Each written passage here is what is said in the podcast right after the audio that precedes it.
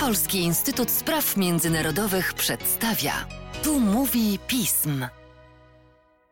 W podcaście Polskiego Instytutu Spraw Międzynarodowych gościem jest dzisiaj Łukasz Maślanka z naszego instytutu, a powodem tego, aby go do naszego podcastowego mini-studia zaprosić jest sytuacja polityczna we Francji, a dokładniej rzecz, która bardzo często uchodzi uwadze nawet ludzi, którzy się interesują polityką międzynarodową, czyli zmiana francuskiego rządu.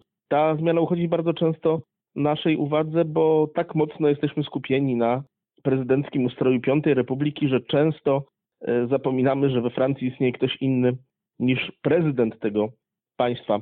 Łukaszu, dlaczego we Francji zmienił się rząd? Co się dokładniej stało i jakie są tego głębsze powody poza kadrowymi? Dzień dobry. Dlaczego nastąpiły zmiany? Dlaczego zmienił się premier i rząd? E, to pytanie zadają sobie także francuscy dziennikarze, komentatorzy i analitycy. Nie jest to do końca jasne. Prawdopodobnie Macron zamierzał przeprowadzić te zmiany od dawna, wiedząc, że w 2022 e, roku będą wybory prezydenckie i musi się do nich odpowiednio przygotować. Przygotować programowo, przygotować wizerunkowo i zmiana rządu jest mm, takich środków, e, środków do tego. E, rzeczywiście na zewnątrz dość wiele uwagi przykłada się do francuskiego rządu, natomiast wewnątrz kraju rząd jest na pierwszej linii. Działania ministrów, premiera są komentowane e, nawet częściej niż działania prezydenta. Oczywiście przemówienia programowe prezydenta, orędzia, wszelkiego rodzaju wystąpienia są uważnie komentowane, ale to ministrowie i premier e, są bliżej, e, że tak powiem, codzienności Francuzów. Dlatego, o ile rzeczywiście na zewnątrz może zmian, zmiany we francuskim rządzie mogą nie być tak szeroko komentowane, tyle e, wewnątrz Francji jest to wydarzenie numer jeden. I rzeczywiście mamy nowego premiera, został nim Jean Castex, podobnie jak jego poprzednik Edouard Philippe, wcześniej był związany z centroprawicą i podobnie jak Edouard Philippe uważany jest za sprawnego menedżera. Dlaczego nastąpiła zatem ta zmiana? Trudno powiedzieć. Niektórzy spekulują, że Edouard Philippe stał się po prostu zbyt popularny, bo rzeczywiście w trakcie pandemii zyskał zaufanie Francuzów i cieszy się obecnie większą, większym zaufaniem niż e, sam prezydent Macron i być może e, po to, żeby nie przyćmiewać więcej swojego szefa, został wymieniony na innego premiera pochodzącego z, centr- z centroprawicy. I w ogóle to jest cecha tego nowego rządu, że jest on jeszcze bardziej prawicowy niż e, poprzedni. Komentatorzy dość zgodnie zauważają, że obóz Macrona przesuwa się ku prawej stronie, co rodzi dla niego pewne szanse, ale i niebezpieczeństwa. Co się mm, stanie z Eduardem Filipem? Pamiętamy z historii sytuację, kiedy były popularny premier rzucał nawet potem swojemu byłemu szefowi wyzwanie w wyborach prezydenckich. Czy popularność Eduarda Filipa jest na tyle szeroka, czy on może zostać we francuskiej polityce? On zostaje, z tym, że obecnie przenosi się do polityki samorządowej. Wcześniej, zanim został premierem, był przez 7 lat e, merem w północnej Francji i obecnie startował w tych wyborach ponownie.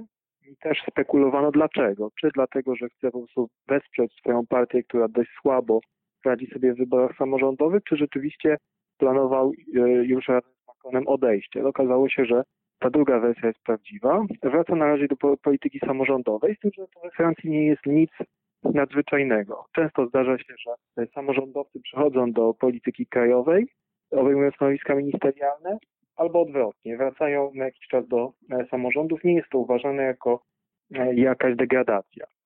Nie jest to na przykład przypadek obecnego nowego ministra spraw wewnętrznych, że jest jednocześnie merem, mm, w przypadku nowego ministra miast, niewielkie miasto Turkła i ministrem. To nie jest to e, formalnie zabronione tak jak w Polsce. Pamiętam Jacques'a Chiraca, który chyba też zresztą był jednocześnie merem Paryża i, i premierem Francji dwukrotnym, więc przykłady z najwyższych sfer. Mówiłeś o ewentualnych wizerunkowych e, korzyściach dla Emmanuela Macrona, jakie mogą być związane z powołaniem nowego rządu. Czy to jest takie nowe otwarcie, które, premier, które prezydent Francji może zaoferować swojemu społeczeństwu? Nie ma innych pomysłów? E, wydaje mi się, że e, wymiana rządu jest e, właśnie, ma właśnie maskować to, że nie ma nowego otwarcia. To znaczy ta polityka, której kierunki zostały wyznaczone jeszcze przed pandemią, będzie nadal kontynuowana. W trakcie pandemii Macron miał kilka przemówień, które mogły świadczyć o tym, że myśli o tym, by bardziej zwrócić się w stronę lewicy, zaoferować bardziej socjalny program, ale ostatnie jego wypowiedzi, jak również wypowiedzi nowego premiera Żana Castexa, który za jeden z pierwszych swoich priorytetów e, wyznaczył sobie powrót do reformy emerytalnej, świadczą o tym, że nic takiego nie nastąpi, że Macron jest zdecydowany pchać dalej do przodu te reformy, które jego zdaniem mają nadać e, francuskiej gospodarce większą konkurencyjność i ma to pozwolić na sfinansowanie hojnego mm, systemu socjalnego, jaki istnieje we Francji. Ale to budzi ogromne kontrowersje. To też wydaje mi się, że podobnie jak rząd Filipa dość szybko zużył się przed pandemią, bo pandemia tutaj wiele zmieniła. Tak też e, rząd Castexa jest e, skazany na to, że spotka się z silnym oporem społecznym. Także moim zdaniem nie ma tutaj wielkiej zmiany i zmiany personalne mają przykryć, mają przykryć e, brak zmian programowych. Na to trzeba zwrócić uwagę, jeśli chodzi o skład tego nowego rządu. Oczy rzuca się, rzucają się trzy ważne postaci. Jedna z nich to jest pani Barbara Pompili, która została ministrem transformacji ekologicznej, a która wcześniej była członkiem Partii Zielonych. W ten sposób Macron e, jakby daje do zrozumienia, że odebrał ten sygnał, jaki był bardzo dobry wynik Partii Zielonych w wyborach samorządowych. I chce tutaj e, pokazać Zielonym, którzy krytykują za zbyt wolną transformację ekologiczną, że te problemy również leżą mu na sercu.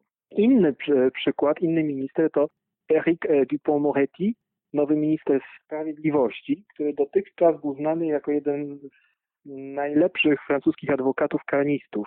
On był obrońcą w bardzo wielu głośnych procesach karnych, w tym że procesach kryminalnych, takich typowych procesach Spitawala i e, odnosił w nich ogromne sukcesy. Dlaczego? Dlatego, że w francuskich, francuskim procesie karnym o zbrodnie odpowiada się przed ławą przysięgłych, a więc pewna dawka tutaj populizmu jest zawsze mile widziana. Jeżeli adwokat potrafi poza dobrą znajomością prawa także wykazać się odpowiednimi talentami psychologicznymi, manipulatorskimi, to bardzo zyskuje i może zrobić wiele dla swojego klienta. I właśnie Dupont Moretti jest przykładem takiego człowieka. Jest on znany także ze swoich bardzo częstych konfliktów ze środowiskiem sędziowskim i prokuratorskim, więc y, możliwe, że Macron chce tutaj wprowadzić taką nową narrację człowieka, który y, przychodzi bronić obywateli przed przed e, kastą sędziowską. E, nie można tego wykluczyć.